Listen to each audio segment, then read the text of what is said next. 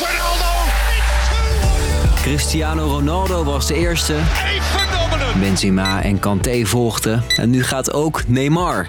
Nou, stuk voor stuk topvoetballers die door clubs uit Saoedi-Arabië worden gekocht.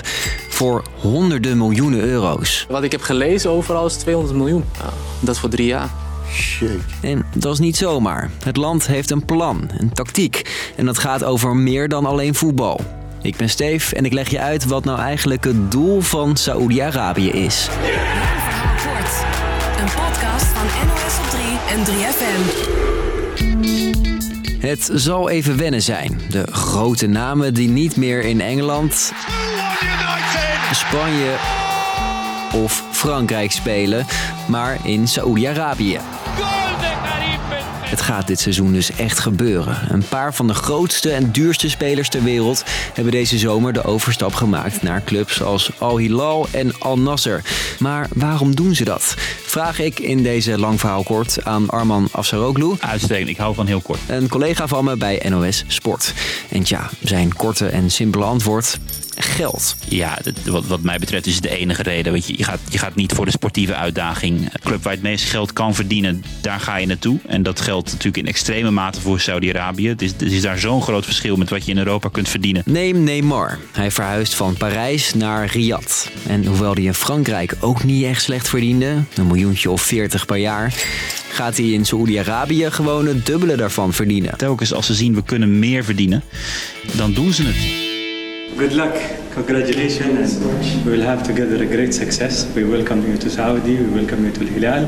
And we En dus zette ook Neymar zijn handtekening onder een contract bij Al Hilal.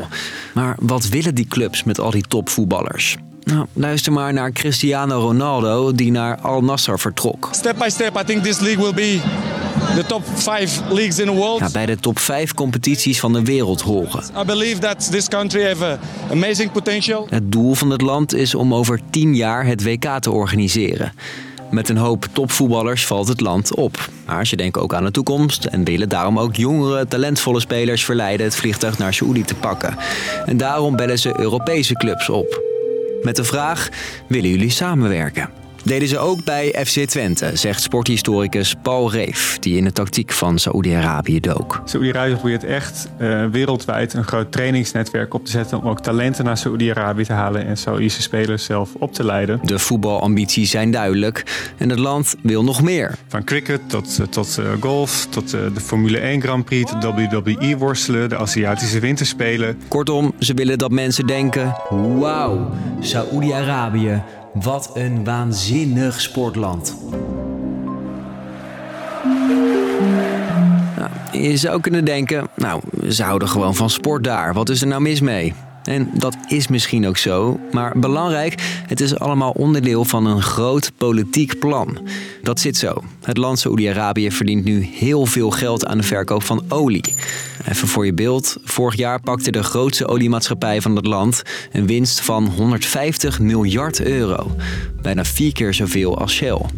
Lekker, zoveel geld, denk je dan misschien. Maar hun economie is wel heel afhankelijk van die olie. En dat spul raakt ook een keer op. Dus willen ze nu ook op andere manieren geld verdienen. Dus er is een groot investeringsfonds opgezet waar 600 miljard eh, euro in zit. Jort, sporthistoricus Paul Reef weer. En een van de terreinen waarop heel veel wordt geïnvesteerd is sport. En dat gaat niet direct dat er winst wordt gehaald uit de eigen competitie, maar dat Saoedi-Arabië eigenlijk zichtbaar wordt voor de rest van de wereld om zo toerisme en investeringen aan te trekken. Ja, en op die manier dus meer geld te verdienen. Een ander voordeel, veel positieve aandacht. Saoedi-Arabië is een land dat jaarlijks tientallen executies pleegt. Eh, ja, een, een oorlogsmisdaad en een oorlog voert in het naburige Jemen. En sport is natuurlijk de ideale manier om positieve aandacht voor je eigen land te genereren. Of die Saoedische plannen een succes worden, lastig te voorspellen. Maar sporthistoricus Paul sluit het niet uit. Saoedi-Arabië doet dit op zo'n immense schaal. En dat een staat zich zo actief met, met sport benoeit, met zulke grote bedragen, dat is wel echt iets nieuws in de geschiedenis. En of het land dan straks ook bij de top 5 van de competities zit, zoals Ronaldo zei. Top leagues. Daar schakel ik nog even Arman van de sportredactie voor in. Arman, Ja, ik ben het wel met Ronaldo eens. Als Saudi-Arabië op deze manier doorgaat, dan denk ik wel dat ze binnen een jaar of drie, vier bij de, bij de top 5, top 6 kunnen komen. Ja. Dus, lang verhaal kort, grote voetballers vertrekken naar het relatief kleine voetballand Saoedi-Arabië. Clubs betalen daar honderden miljoenen euro's voor. Is allemaal onderdeel van een politieke tactiek met als uiteindelijke doel positieve aandacht scoren voor het land en meer inkomsten om zo minder afhankelijk te zijn van olie. Dat was hem voor vandaag. Morgen poeieren we gewoon weer een nieuwe Je Podcast app en tot dan!